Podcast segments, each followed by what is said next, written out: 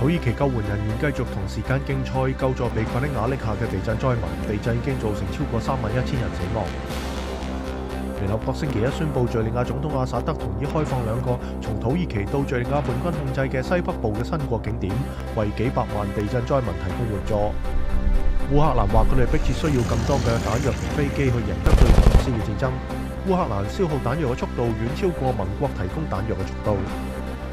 各国民主共和国嘅 M 二十三叛军继续占领北基五省嘅土地，随住叛军向沃马市推进，几十万人逃离家园。一个新嘅难民营喺拉克维尔容纳咗三万个家庭。